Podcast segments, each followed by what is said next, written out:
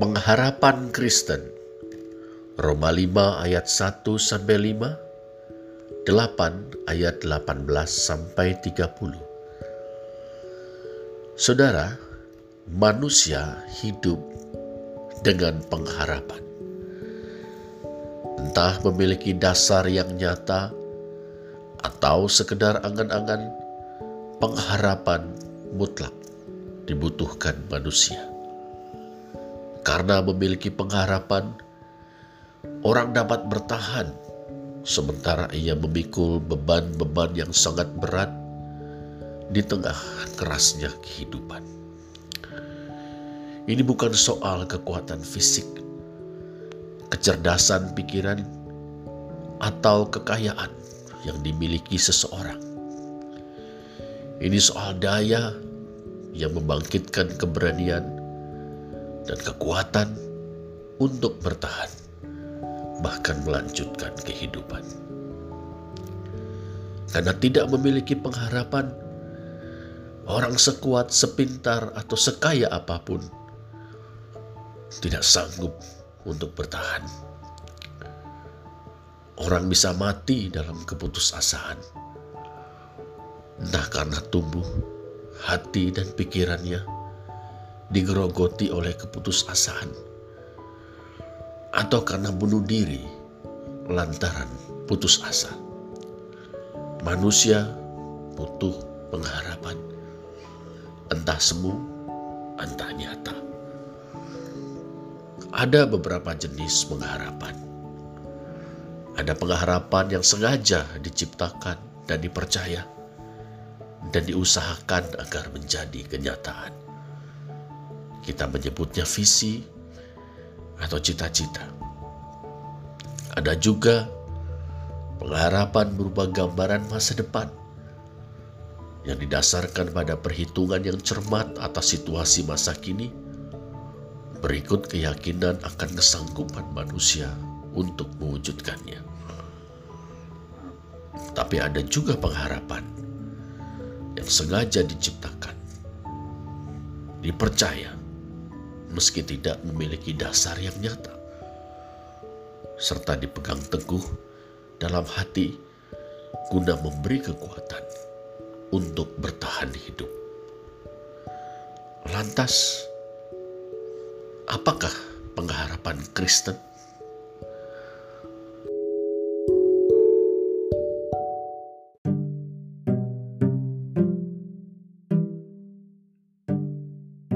Saudara, pengharapan Kristen ada dalam konteks keseluruhan karya keselamatan.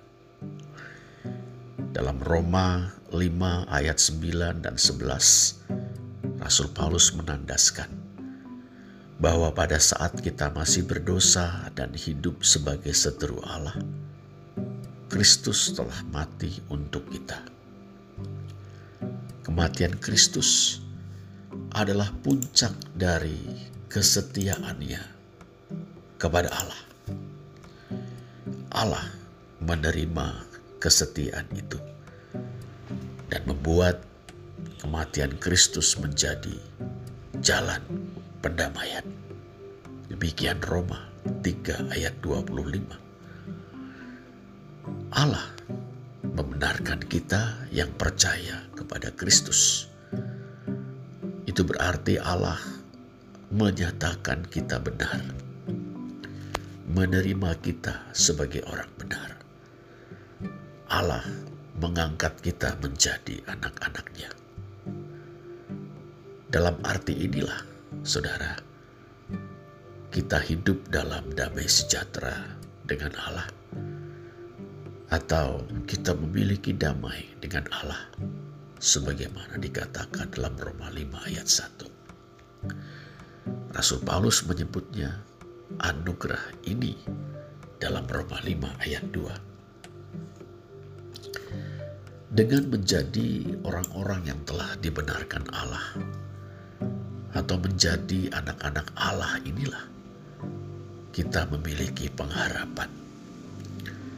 Rasul Paulus menyebutnya pengharapan akan menerima kemuliaan Allah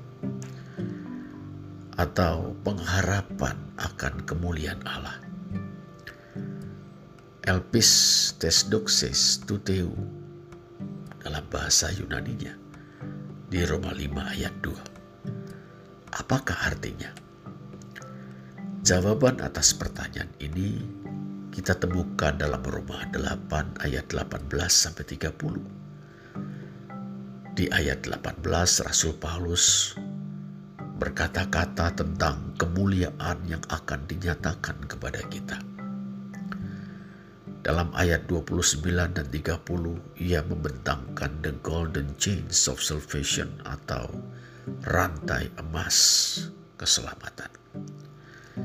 Allah memuliakan orang-orang yang telah dipilih, dipanggil, dan dibenarkannya dalam Kristus. Lantas, apakah kemuliaan itu?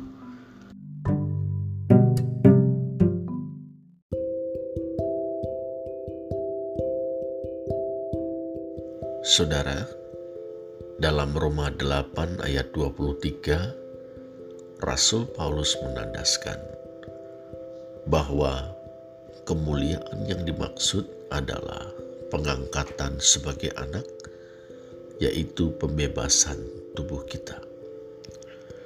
Pengangkatan sebagai anak. Bukankah sejak kita menerima Yesus Kristus, kita telah diangkat sebagai anak-anak Allah? Benar, tetapi pengangkatan sebagai anak yang dimaksud di sini adalah saat ketika Allah mengumumkan di hadapan seantero semesta dan segala makhluk bahwa kita adalah anak-anaknya dalam Kristus. Saat itu, tubuh kita yang fana, baik yang sudah kembali kepada tanah atau bersatu dengan alam, maupun yang masih kita kenakan apabila kita masih hidup saat parusia atau kedatangan Kristus kembali akan mengalami pembebasan. Kita tahu, meski kita sudah diangkat menjadi anak-anak Allah, saat ini tubuh kita masih tunduk kepada sakit penyakit, penderitaan, dan kematian. Bahkan kadang-kadang menjadi alat untuk berbuat dosa meski kita berupaya keras untuk menggunakannya sebagai alat untuk berbuat kebenaran. Saat parusia atau kedatangan kembali Kristus, tubuh kita dibebaskan dari semuanya itu. Tubuh kita diubahkan menjadi tubuh kemuliaan seperti tubuh Kristus yang bangkit. Dengan tubuh kemuliaan itu, kita tidak akan lagi merasakan sakit penyakit dan penderitaan, tidak akan lagi mengalami kematian. Dengan tubuh kemuliaan itu, kita sepenuhnya dapat memuliakan Allah dan bersuka cita menikmati persekutuan dengan Dia dan dengan semua orang percaya selama-lamanya. Pengangkatan sebagai anak-anak Allah pembebasan tubuh kita itulah penyempurnaan keselamatan. Keselamatan yang berakar dalam kekekalan, digenapi dalam penebusan Kristus, dan mulai dinikmati sejak kita percaya kepada Kristus akan disempurnakan Allah dalam pengangkatan anak-anak Allah dan pembebasan tubuh kita saat parusia.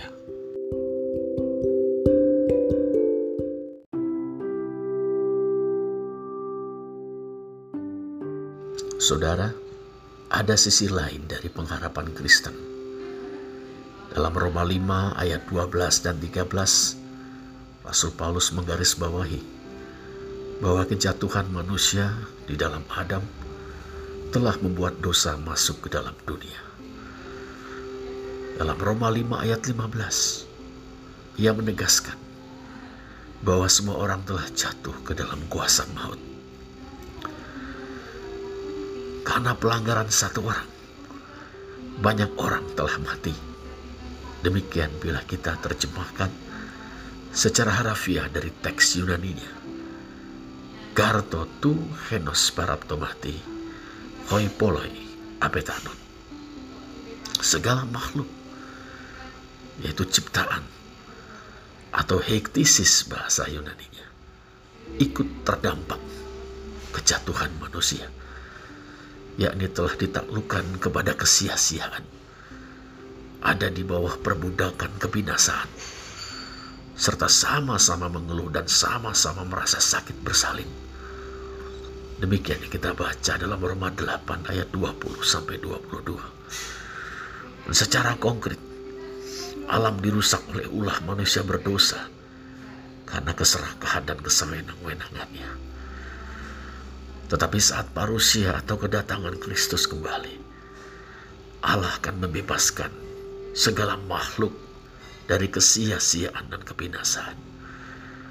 Allah akan mentransformasikan seantero semesta untuk menjadi tempat kediaman Allah dan rumah bersama bagi semua anak Allah, bahkan segala makhluk. Pendeknya, penyempurnaan keselamatan kita mengikut sertakan pembebasan seantero semesta dan segala makhluk karena saat penyempurnaan keselamatan kita sekaligus juga merupakan saat pembebasan seluruh makhluk dan transformasi seantero semesta. Maka dengan sangat rindu seluruh makhluk menantikan saat anak-anak Allah dinyatakan. Roma 8 ayat 19. Ya, semua menantikan parusia semua menantikan kedatangan Kristus kembali.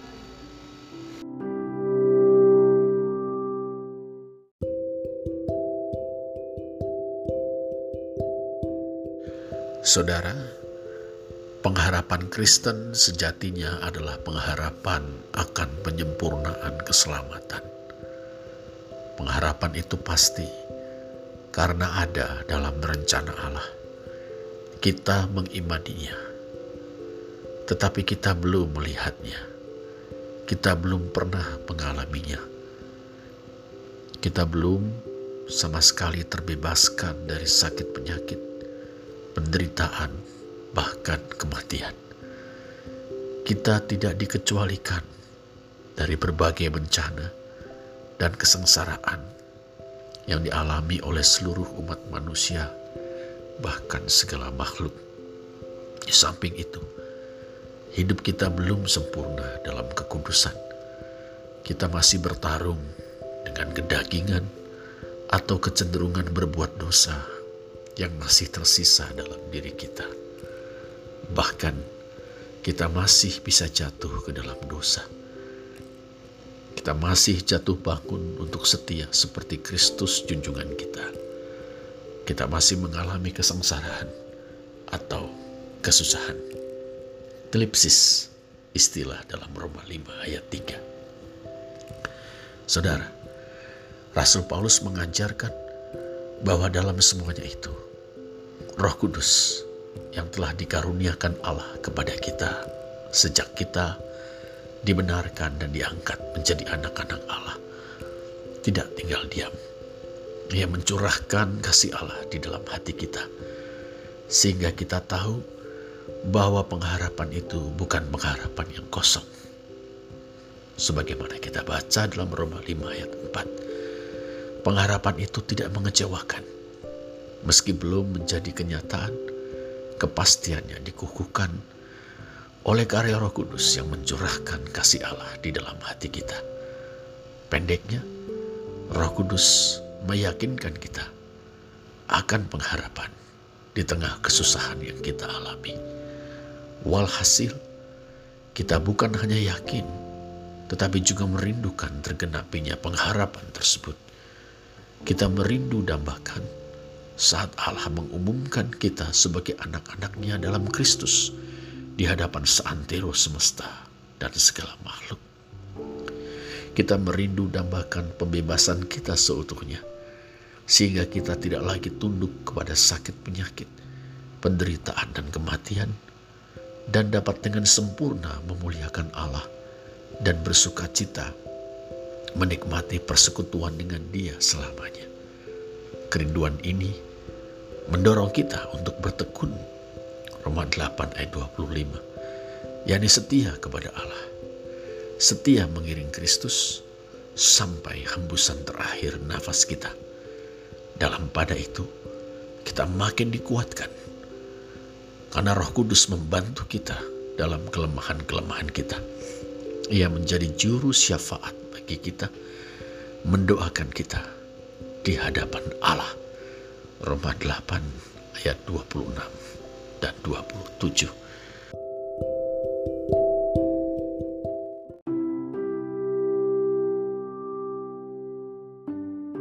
Saudara, Rasul Paulus mengajarkan bahwa dalam semua pergumulan dan kesusahan itu, Roh Kudus yang telah dikaruniakan Allah kepada kita sejak kita dibenarkan dan diangkat menjadi anak-anak Allah tidak tinggal diam.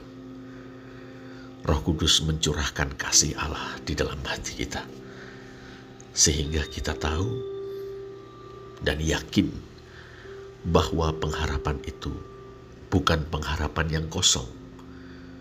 Pengharapan tidak mengecewakan Demikian Roma 5 ayat 4. Meski belum menjadi kenyataan, kepastiannya dikukuhkan, dijamin oleh Roh Kudus yang mencurahkan kasih Allah di dalam hati kita. Pendeknya, Roh Kudus meyakinkan kita akan pengharapan di tengah kesusahan yang kita alami. Walhasil, kita bukan hanya yakin, tapi juga merindukan tergenapinya pengharapan tersebut. Kita merindu dambakan saat Allah mengumumkan kita sebagai anak-anaknya dalam Kristus di hadapan seantero semesta dan segala makhluk. Kita merindu dambakan pembebasan kita seutuhnya, sehingga kita tidak lagi tunduk kepada sakit penyakit, penderitaan, dan kematian, dan dapat dengan sempurna memuliakan Allah dan bersuka cita dalam persekutuan dengan Dia dan sesama anak-anak Allah selama-lamanya. Kerinduan ini, saudara, mendorong kita untuk bertekun. Roma 8 ayat 25. Yakni setia kepada Allah serta mengiring Kristus sampai pada hembusan nafas kita yang terakhir. Dalam pada itu, kita makin dikuatkan karena Roh Kudus membantu kita dalam kelemahan-kelemahan kita ia menjadi juru syafaat bagi kita. Terus mendoakan kita di hadapan Allah. Demikian Roma 8 ayat 26 27.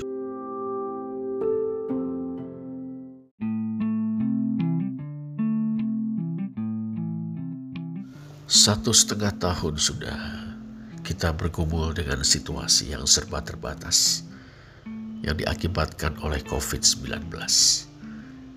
Beberapa saudara kita telah meninggal dunia karena virus ini. Beberapa di antara kita pernah atau sedang bergumul dengan virus ini. Beberapa di antara kita telah sembuh. Beberapa di antara kita masih bergumul. Dalam situasi ini, ajaran tentang pengharapan Kristen mengingatkan kita bahwa sebagai anak-anak Allah, kita tidak dikecualikan dari bencana.